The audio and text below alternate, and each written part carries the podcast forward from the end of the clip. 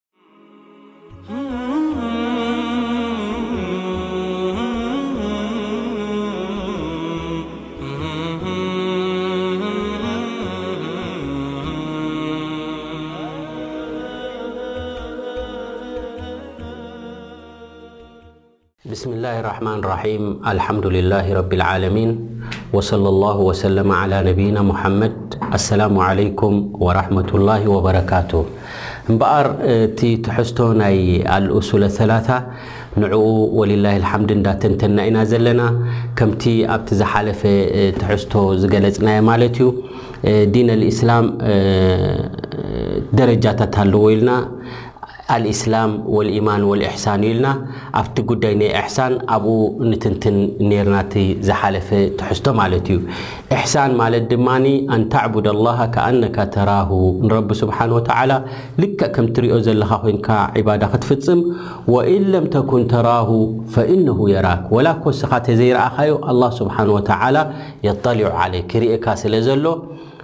ነዚ ደረጃ እዚ ርኢኻ ማለት ረቢ ስብሓን ወተዓላ ይርኤኒ እዩ፣ ረቢ ስብሓን ወተዓላ ይሰምዓኒ ኢልካ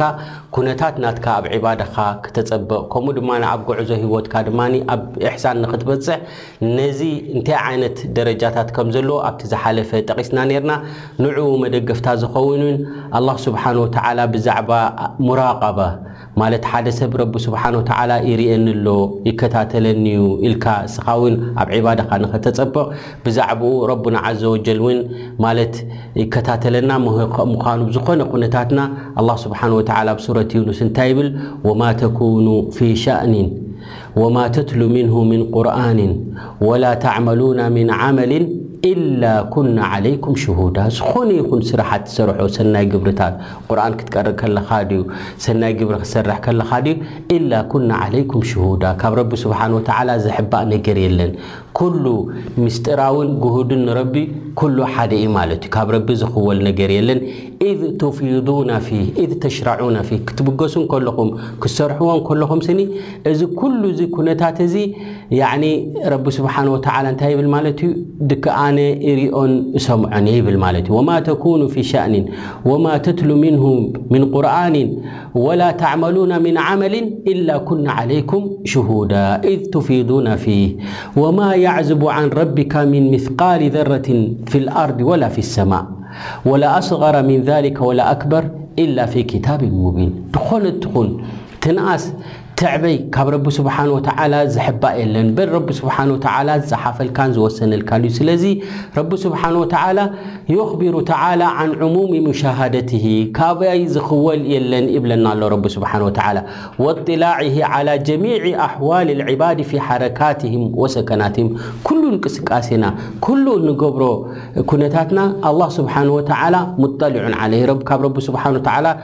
ዝኽወል የለን። ወፊ ዲምኒ ሃዛ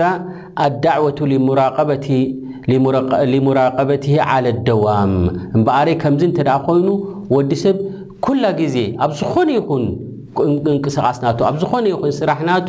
ረቢ ስብሓን ወተዓላ ይርኤኒ ኣሎ ክብል ኣሎ ማለት እዩ። ወማ ተኩኑ ፊ ሻእን ክብል ከሎ ኣይ ሓልን ምን ኣይ ሓሊ ምን ኣሕዋሊካ ኣዲንያ ወዲነውያ ናይ ዓለማዊ ይኹን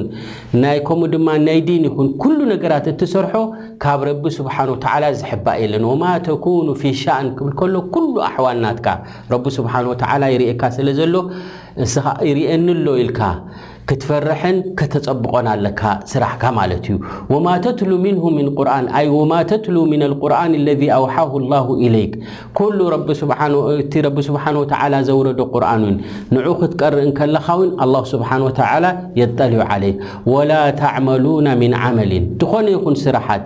ሰጊሪን ኣው ከቢር ዓብዪ ይኹን ንእሽተይ ይኹን ካብ ረቢ ስብሓነሁ ወተዓላ ዝሕባእ የለን ኢላ ኩና ዓለይኩም ሽሁዳ ኢዝ ቱፊዱነ ፊህ ኣይ ወቅተ ሽሩዕኩም ፊህ ወእስትምራርኩም ዓለል ዓመል ቢሂ ዝኾነ ይኹን ስራሕ ክትብገስ እንከለኻ ክትጅምሮ እንከለኻ ይኹን ክትሰርሖ እንከለኻ ይኹን መደምደምትኡ ይኹን ኩሉ ካብ ረቢ ስብሓን ወተዓላ ዝሕባእ ስለ ዘየሎ ፈራቂቡ ላሃ ፊ ኣዕማልኩም ኩሉ ስራሓትኩም ባሪ እንታይ ክኸውን ኣለዎ ንዓይ ርኢኹም ንዓይ እናፈራሕኩም ተገዝኡኒ ይብል ኣሎ ኣላህ ስብሓን ወተዓላ እዘን ኩሉ ኩነታት ረቢ ስብሓን ወተዓላ ድኣዘዞ ልክዕ ከምታ ጉቡኣ ጌርካ ንክትፍጽማ ክትጽዕር ኣለካ ማለት እዩ ተጅተሂድ ማለት እዩ ኩሉ ረቢ ስብሓን ወተዓላ ድጸልኦ ዝኾነ ድማ ካብኡ ድማ ክትርሕቕ ኣለካ ማለት እዩ ምክንያቱ ረቢ ስብሓን ወተዓላ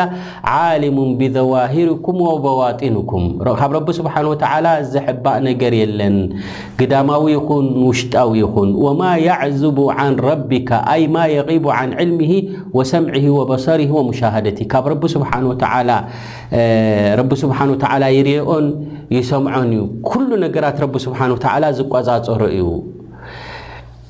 ነዚ ጉዳይ እዚ ደቂቕ ምዃኑ እምበኣረይ ረቢ ስብሓን ወተዓላ ንኹሉ ትንኣስን ትዕበይን እንተ ቋፃፀሮን ይፈልጦን እዩ እንተ ትብል ኮንካ ሓጂ እንታይ ክትገብር ኢኻ ማለት እዩ ኣብ ደረጀት ልእሕሳን ትበፅሕ ማለት እዩ ኩላ ነገር ክትብገስ እንከለኻ ይኹን ወላ እውን ናይ ውሽጣዊ ሓሳባትካ ኣበጋግሳኻ እውን ሊላህ ድዩ ንኻሊእ ድዩ ረቢ ስብሓን ወተዓላ ይርእ ኣሎ እንተ ትብል ኮንካ እንታይ ክትበፅሕ ኢኻ ማለት እዩ ኣብ ደረጀት ልእሕሳን ትበፅሕ ማለት እዩ ወሊዛሊክ ኣላሁ ዓዘ ወጀል እንታይ ኢሉ? ወማ የዕዙቡ ዓን ረቢካ ሚን ሚስቃሊ ዘረቲን ፊል ኣርዲ ወላ ፊሰማእ ማለት ወላ እታ ዝነኣሰት ነገር እውን ትኹን ካብ ረቢ ስብሓን ወተዓላ ዝሕባእ የለን ወላ ኣስቀራ ሚን ዛሊክ እታ ዝነኣሰት ንእሽተይ ትብላ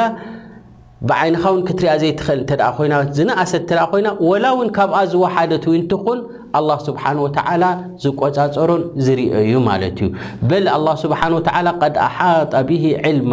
ወጀራ ቢሂ ቀለመሁ